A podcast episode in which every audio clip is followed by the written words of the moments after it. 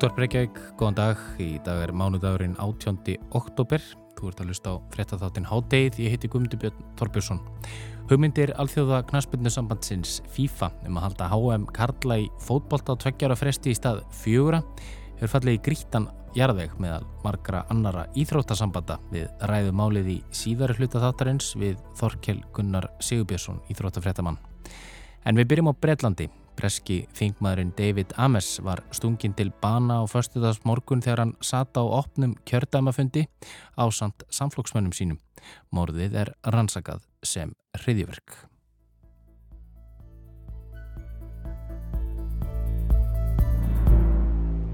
Í Breitlandi hefur löngum verið svo hefðað þingmenn á breska þinginu fundi með sínum kjósöndum Constituency Surgery er þetta kallað.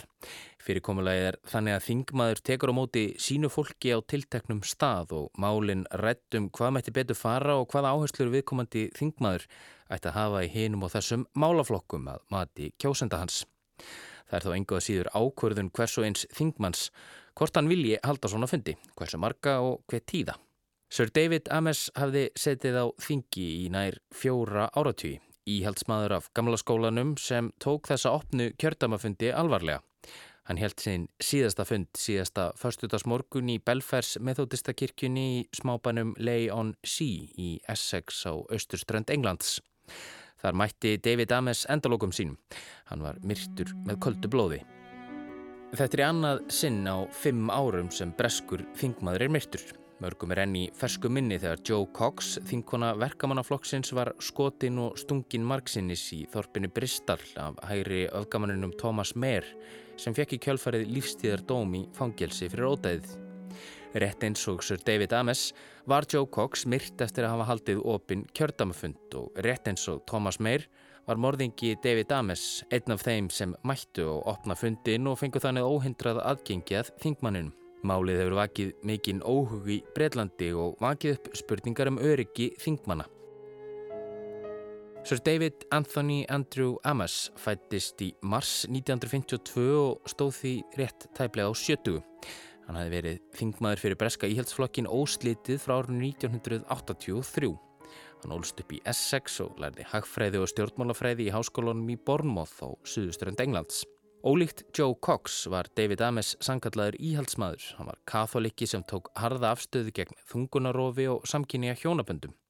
Þá hafði hann einnig talað fyrir því að dauðarefsingar er það aftur teknar upp á Breitlandsegjum en eru voru aflagðar árið 1969 á Englandi og 1973 á Norður Írlandi. Hann stutti innrás bandaríkjana og Breitlands í Írak 2003 en gaggrindi síðar stjórn verkamannaflokksins harðlega fyrir að finna engin geriðingavopni í landinu sem var jú eins og við munum aðal átillan fyrir innrásin í Írak. Hann stutti Ísraels ríkjað málum en kaust þó gegn hernaðar í hlutun breyta í Sýrlandi 2013. Þá var David Ames mikill brexit sinni og andstæðingur Evrópusambatsins. En hann gerði nú ímislegt annað en að vera á bremsunni í breska þinginu. Hann var ötull barátumæður fyrir réttindum dýra og áhuga maður um búfjárrækt. Hann vildi banna refaveðar á Breitlandsegjum, prófanir á dýrum í lækningaskinni og kvolparækt í hagnaðaskinni. Í æfisögu David Ames sem kom út á síðast ári er fjallaðum hörmulegan döðdaga Joe Cox og það er umræður sem sprutti í kjölfarið upp um aðgengi kjósenda og almennings af þingmönnum á fyrirnemdum kjördamafundum. Inn í breska þinginu er mikil öryggiskesla en henn er ekki fyrir að fara á slíkum kjördamafundum. Eftir morðið á Joe Cox heyrðust hávara rattir um að auka þyrti öryggiskeslu á kjördamafundum en því var David Ames ósamóla. Í æfisögu sinni segir hann að slíkar áhyggjur og ótti um fleiri slíkar árásir stendi þeirri miklu og góðu bresku hefð að kjósendur fá að hitta þingmenn sína í hættu. Eftir morðið á Joe Cox var þó örgiskesla þingmanna aukin til munna og fór úr 200.000 pundum á ári yfir í 4,5 miljónur punda á ári. En þingmannum er samt sem áður í sjálfsvald sett hvort þeir hafi með sér lífverði allan liðlokan daginn til dæmis á opnum kjörtamafundum.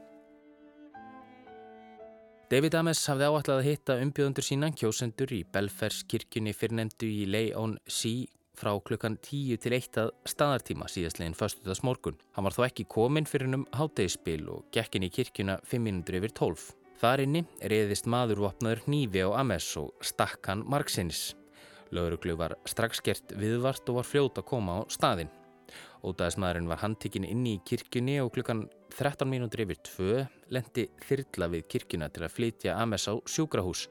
En læknar mátu það svo að ástand hans væri það alvarlegt að betra væri að reyna að koma honum til lífs á staðnum. Klukkan þrjú var hann úrskurðaður látin. Laurugla hóf strax morðaransókn og síðar um kvöldið var ákveðið að sérstök hriðiverkadelt lauruglunar í Lundunum skildi fara með rannsókn málsins. Rétt eftir miðnætti grindi laurugla svo frá því að hinn grunaði væri 25 ára breskur ríkisborgari af sómölskum uppruna og hann væri mögulega íslamskur afgamaður. Maðurinn var nafngreindur í nokkrum fjölmjölum þótt engin ákjæra hefur verið gefin út, meðal annars í The Guardian. Ali Harbi Ali heitir hinn grunaði en nokkrum árum áður hafði honum verið gert að sitja sérstakt endurmentunar námskeið á vegum breskra stjórnvalda. Námskeið fyrir þá sem stjórnvald meta sem svo að eiga hættu að verða rótæklingar snúast til öfga. Ali staldraði stuttu við á endurmentunar námskeiðinu og þá var hann aldrei undir eftirliti MI5 leginni þjónustu bresku krúnunar. En er þó ekkert vitað um hvað ódæðismanninum gekk til, hvers vegna hann á hvaða myrða David Ames með köldu blóði. Morðingi Joe Cox, fimm árum áður, veriðist við fyrstu sín eiga fátt sammeilegt með Ali Harbi Ali. Thomas Meir, sá sem myrti Cox, var kvítur kynþáttahattari sem var með nazista og apartheid tímabilið í Suður Afríku á heilanum. Áður en hann tók Joe Cox af lífi öskraði hann Britain First eða Bretland Fyrst en Joe Cox hafi verið ötull talsmaður flótafólk sem stutti sjálfstætt ríki Palestínu og var andsnúin Brexit. Sem sagt, rétt eins og morðingi David Ames verið stega fátt sameinlegt með morðingja Joe Cox var Joe Cox líka mjög ólíkur stjórnmálamæður David Ames. Boris Johnson, fórsettis ráþara Breitland, satt fyrir svörum á bladamannafundi á förstaskvöld. Þar vottaði hann fjölskyldu þingmannsins samúð sína. Well, I think all our hearts are full of shock and sadness today at the loss of Sir David Amis MP who was Johnson sagði samflokksmann sinn David Ames hafi verið góðan mann og að tölfræðin síni það svart á kvítu að hann hafi oft tekist að koma málum í gegnum þingið sem hafi bætt kjör þeirra sem minna megasín. And the reason I think people are so shocked and saddened is above all he was one of the kindest, nicest, most gentle people in politics. And he also had an outstanding record of passing laws to help the most vulnerable. Og það er alveg rétt, meðal mála sem Ames kom í gegnum þingið og urða lögum voru mörg þau er snýru að velferð dýra. Þá beitti hann sér fyrir lögum sem gerði það verkum að uppbytunarkostnaður húsa hjá þeim fátækustu yfir ekki óviðráðanlegur. En í kjölfar morðsins á David Ames hafa fjölmarkir þingmenn tjáð sig um öryggismál þingmanna og óttast þú enn frekar um lífsitt. Karol Mohagan, þingmaður skoska þjóðarflokksins, saði að þingmenn væri nú orðnir að blóra böglum fyrir reyði fólks og kennir samfélagsmiðlum um aukið hatur almennings á þingmannum. Joanna Cherry, samflokksistir hennar, tekur í sama streng og veldir því fyrir sér hvort opnir kjördamafundir ættu að heyra sögunni til. Þá saði fósetti neðri málstofu Breska Þingsins að nú þyrti Þingheimur alvarlega að endurskoða sín öryggismál. Frettamæður Breska Ríkisútarpsins BBC spurði Boris Johnson út í það.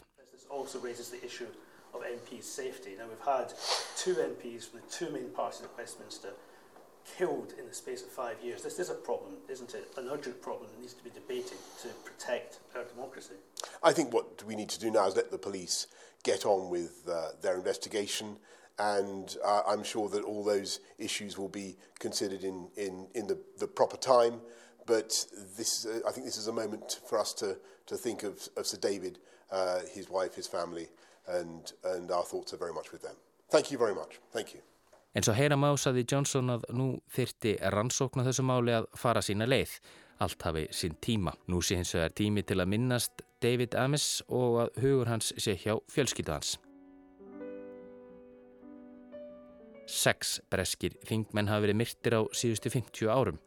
Auk þegar Joe Cox og David Ames var Ian Gow myrtur í Springjóðrás Írska líðveldisessins ERA árið 1990 Sir Anthony Berry dó sömulegðis í árás ERA í Brighton 1984. Þá var Robert Bradford skotin til bana eftir opinn kjördamafundi í Belfast 1981 og norðuríski þingmaðurinn Eiri Nýf lest eftir bílsprengju árás í Westminster árið 1979. En þá hefur í Íþrótturnar eins og vanalega á mánudögum. Við herðum frá því hér í Íþróttafréttum að hugmyndir FIFA, alþjóða knaspindu sambandsins, um að halda heimsmestramót Karla í fótbolt á tveggja ára fresti í stað fjúra ára fresti hafa fallið í grítan jarðveg margara annara íþróttasambanda þar á meðal Olympi, alþjóða olimpíunemdarinnar. En HM í Karla hefur verið haldið á fjúra ára fresti frá árinu 1930 og olimpíuleikandir sömu leiðis frá 1900, 1896. Eftir að byrja að vera að halda sérstakka vetrarolimpíleika þá hafa þeir verið haldnir á sama ári og sumarolimpíleikarnir. E, þar til því var skipt upp árið 1994. Með því að halda heimsmestramót Karla í fókbalta á tveggjára fresti í stað fjóra ára fresti eru því sumarolimpíuleikar hjá sama sumri og hvert annað heimsmestramót eða annað hvert heimsmestramót afsækið og þessu hefur alþjóða olimpíunemdin mótmælt harðarlega. Þorkell Gunnar Sigursson, íþróttufrættamæður, er sestur hjá okkur. Bara til að byrja byrjunni, Þorkill, er búið að ákveða eitthvað eða er þetta ennþá bara hugmynd?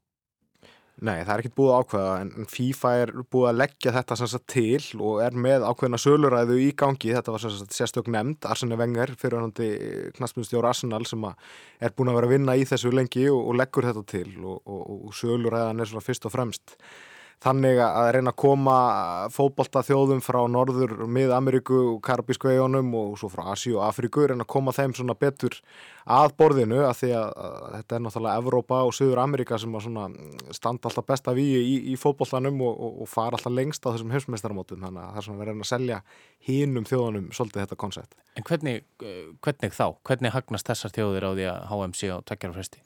Það er náttúrulega rosalega miklir peningar í, í spilinu með lokakjafnu. Jafnvel þú komist ekki inn á mótið og þá eru peningar samt til aðalda þjóðana e, í, í gegnum í mislett annað og, og, og þar koma þeir inn en svo náttúrulega líka verður að selja það að auka mögulegan á því að komast loksins kannski inn á HM að því að það er náttúrulega verið að fjölga. Það verður fjölga 2026 úr 32 eins og hefur verið núna frá hvað 94 upp í 48 þjóðir þannig að þá svona og, og flest þau pláss er að fara til þessara heimsálfa sem að hafa svona kannski ekki verið svona mest ábyrjandi þannig að Evrópa til dæmis græðir ekki mikið á þeirri fjölkun einmitt, einmitt. Þannig að þessi liður þá fá já, peninga frá FIFA í gegnum þá bara þátt, þáttöku undaketni til dæmis Já, það er eitthvað svo leiðis meðal annars sko, mm. en, en það er náttúrulega eh, FIFA selur náttúrulega eða, eða aðeldarsambundin selja náttúrulega sjómasetti og síðan eru náttúrulega alls konar markaðséttendi sem fylgja þessu og auglisendur og, og bakhjarlar og annað, þannig að er, þetta er mikil pening að maskina. Mm -hmm. Frá að maður heyrði þessar hugmyndir þá er maður fengið á tilfinninguna að það er leggist nú eiginlega ekki vel í neitt nema, nema FIFA, við kannski vikjum aðeins betra því og eftir en, en, en já, fókusum fyrst á já, þessa, þennan hnút sem er komin upp núna á milli, milli FIFA og alþjóða olimpíasambandsins. Já, sko, Evróska knastbundisambandi mótmælti þessu harlega bara leiðt og kom fram í daginn. En núna er Tómas Bak, fósetti alþjóða olimpíunemndarinn búin að stíða inn í líka og, og, og EOC, alþjóða olimpíunemndir, sendi frá sér yfirlýsingu bara núna um helgina. Það sem að þau mótmæla þessu harlega og segja að þetta munir bara ruggla öllu dagatali hjá bara flestum alþjóða sérsamböndum uh, heimsins Uh, að því að það vill lengir fara ofan í háum við kallaði fótbolta, það segir sér sjálft og, og það er svo sem hefur alveg verið í gangi að því að við sjáum það til dæmis háum kallaði körfubólta var alltaf á sama ári og, og háum kallaði fótbolta og eftir 2014 þá var ákveðið að að láta líða fimm ár fram á næsta heimsmeistar á móti kallaði körubólta til þess að komast af þessu HM í fótbolta árum til þess að vera ekki að keppa um aðtikli mm -hmm. og peninga og bara marka stöðu á sama tíma. Þetta hefur bara verið þannig ef það er unni gengur ekki að hafa neitt annað í gangi á meðan að HM í fótbolta er í gangi. Nei, bara uh, Karla fótbolti og HM Karla í fótbolta, þetta er bara, bara stæsti, mm. þetta og sumar olimpíuleikar eru bara stæstu alþjóðlegu uh, íþrótta viðbörðinir og líka þetta er á fjóru ára fresti, þetta er svo einstakt að það þýðir ekkert að keppa við þetta vegna vinsalda og peninga og það er einst til dæmis á næsta ári eftir að ákveði var að að HM Karla í, í fótbollta er í Katar og, og það var ekki hægt að hafa það sumri heldur er í desember að, að þá fór Evróska handknalliðsambandi strax í það að ætla ekki að vera með EM kvenna á næsta ári í desember eins og er alltaf heldur alltaf að færa sig fram í november því að mm -hmm. það vil enginn fara ofan í ofan í, í þetta því að hans bara verða, kannski þeir leikir ekkit síndir í mörgum löndum og, og, og, og náttúrulega síðan all, all tekið hliðin sko. mm -hmm. þannig að alþjóðanlubjörnundin er að mótmála þessu fyrst og fremst og síðan náttúrulega líka það þeir vil ekki fara í það ef að, ef að háa mér á tveggjara-fresti þá er það komið inn á olimpíu ár, þess að sumar olimpíu ár það er hvort þeir róna vetrar olimpíu árum núna eftir að vetrar olimpíuleikar mhm. fóru að vera sagt, ekki á sama ári og sumar olimpíuleikar en, en hins vegar eru náttúrulega sumar olimpíuleikarnir eru yfirleitt að byrja í lok júli og eru fram í ágúst og, og myndir þá bara beinleins taka beint við af HM Karla í, í, í fókbólta og það eiginlega kengur ekki mm -hmm. að mati olimpíunendarinnar og, og náttúrulega peningarnir hljóta að skipta mjög miklu máli þar og bara markaðskakan mm -hmm.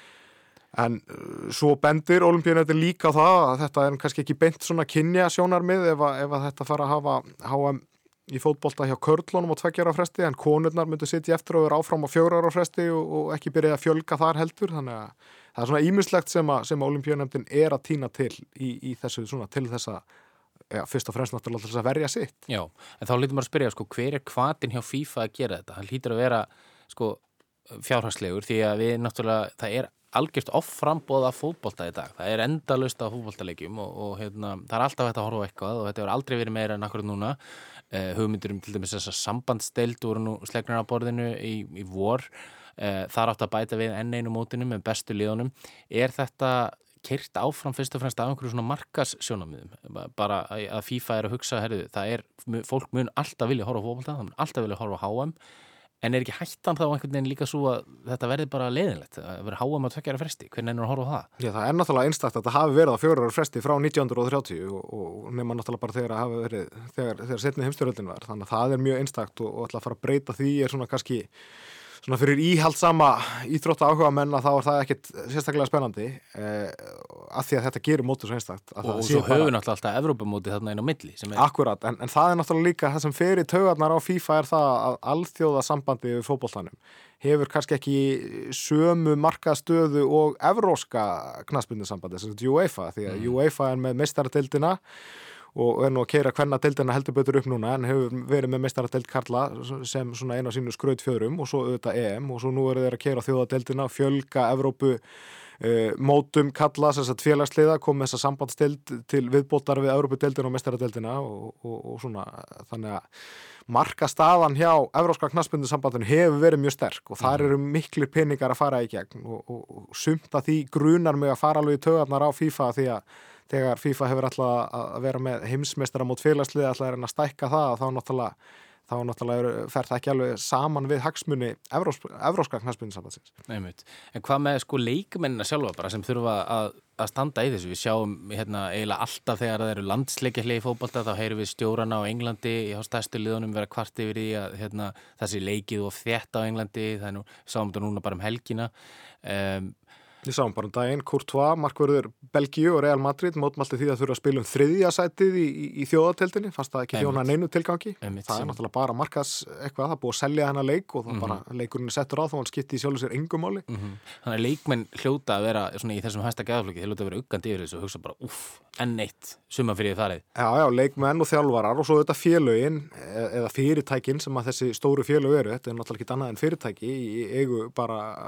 já, fjárfesta mm -hmm. sérstaklega stóru liðin í Englandi og, og, og það hafa allir eitthvað hagsmun í þessu þannig að það er allir að, þú veist, það er engin nákvæmlega sammáluð það hvað eigi að gera en, en hérna endanum þá, þá, þá snýst þetta um peninga og, og þessi leikmenn eru náttúrulega júi, getum alveg sagt að þeir séu skilmingaþrælar því að það er svona mm -hmm. þeir eru að skemta okkur áhöröndum og hvað sem er á vellinum eða í, í, í sjónvarpinu en, en hins vegar er þetta mjög vel launaðir skilmingaþrælar þannig að við, getum, við skulum ekki gleyma því nei, nei. þó að þeir séu undir miklu álægi að þeir eru að fá ríflega borgað fyrir, fyrir sína þjónustu fyrir að skemta okkur Einmitt. Uh, En það er kannski, það er til dæmis kannski ekki alveg raunin í handbóltanum, ef við skoðum það, þessum að, já, handbóltamenn eru nú ekki alveg í saman launaflöki og fólkbóltamenn þó þessi nú, þessir bestu fáið nú ágætlega borgað, en við séum þetta þar, þar er leikið mjög öll, það er HM á öðru hverju ári, EM á öðru hverju ári. Og ef mér minnir rétt þá var Mikkel Hansen, bestileik maður Dana, hann hafði þetta orði í fyrra sko, það sagði bara að allþjóða handbóltasambandi væri bara að drepa leikmann. Já, Guðjón Valur talaði fyrir þessu mjög lengi sko hann mætti á hvert einasta stórmót það var bara, mm. hann skilda að koma fyrir Ísland eins og hann uh, leita á þetta en, en hann leta alltaf í sér heyra og, og Mikkel Hansen og fleiri hafa einmitt verið í þessu að þetta er náttúrulega, það fer náttúrulega ekki vel með leikmennina þegar að vera að spila stórmót á hverju einast ári en, en mm. svo náttúrulega eru við sjónvasáhörundur, ég tala nú ekki um einmitt með handbóltan þar sem Ísland er alltaf inn á þessum kallastórmótum að að þá var ekkert gaman fyrir okkur að fara að fækka mótum sko. en, en heldur þú sjálfur að þetta segjum að þetta náðu fram að ganga að þetta muni sagt, virka að, að við verðum jafn spennt fyrir HM eins og, eins og við erum núna að það er bara á fjórar og resti þetta er eitthvað sem þarf að býða eftir þetta er svolítið eins og jólin ef jólin væri nú bara á þryggja mánuða fresti, verði það ekki svolítið leðilegt? Já, sjálfsög ég vildi að jólinn væri alltaf daga, ég held að Já, jú, þetta er, þú veist, eins og ég sagði hann, þetta, það, hvað HM er einstakt, alveg svo olimpíuleikar, þetta sé bara fjórar ára fresti, það er bara algjörlega uník og, og það gerir þetta að svona áhugaverðin viðburði meðal annars, ekki bara það við séum með bestu fótballtamenni í heimi á hverjum tíma eða besta íþróttafólki í, í heimi á hverjum tíma á olimpíuleikum, en þetta er bara svo rosalega mikil sjarmi við þetta að mista kosta mínum að því. Mm -hmm. Hver er næstu skref núna? Hvernig verður þetta ákveð og, og, og hversu líklegt heldur að það verði? Sko þetta er bara ennþá í ykkur ferli en, en, en þegar kemur að því að ákveða þetta þá munu bara öll 211 aðaldarsambundina FIFA kjósa um þetta. Mm -hmm. og, og þar hafa allir, þar sýti allir við sama borðið Akkurat og, og Evrópa og Suður Amerika til dæmis eru bara með 65 atkvæða þessum 211 þannig að ef að öll Afrika, Asia, mið Norður Amerika og, og Eiálfa og og Karabísku eigarnar myndi bara allar öll þessar þjóðir ákveða það að þau vildi hafa háma tvegjar á hresti þá skiptir yngum móli þá að Evrópa og Suður Amerika sé á móti því. En hins vegar hafa Evrópu þjóðunar og þessar Suður Amerísku þær hafa alveg gefið það í skinn að þær muni þá bara ekki mæta til leiks á HM ef það er því fjölkað þannig að mm. það verður mjög áhugavert að sjá hvernig þetta þróast allt saman. Það er ekkit ákveðið í þessu en þetta er allavega komið lengra en það að vera bara ennþá hugmynd hjá einhverjum kall út í bæ. Þetta er, þetta er alveg komið í, í ferli. Mm -hmm. Heldur þetta geti já, hagnast okkur íslendingum einhvern veginn, væri þetta betra að verra öfur einhverja tilfinningu fyrir því, sko ættu við meiri sens á að komast oftar á stórmút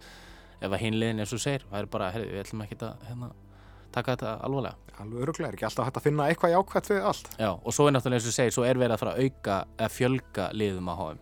Já. Það er hvað, 2026 og þá fara þau yfir í 48, 48. En, en Európa græðir ekki mikið af því hlutfalslega sko. það fyrst og fremst verið að rétta svona hinna álvana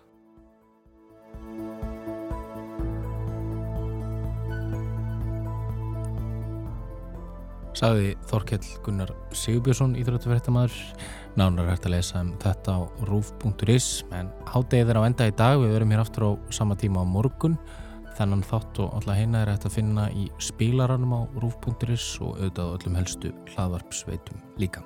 Er ég sæl.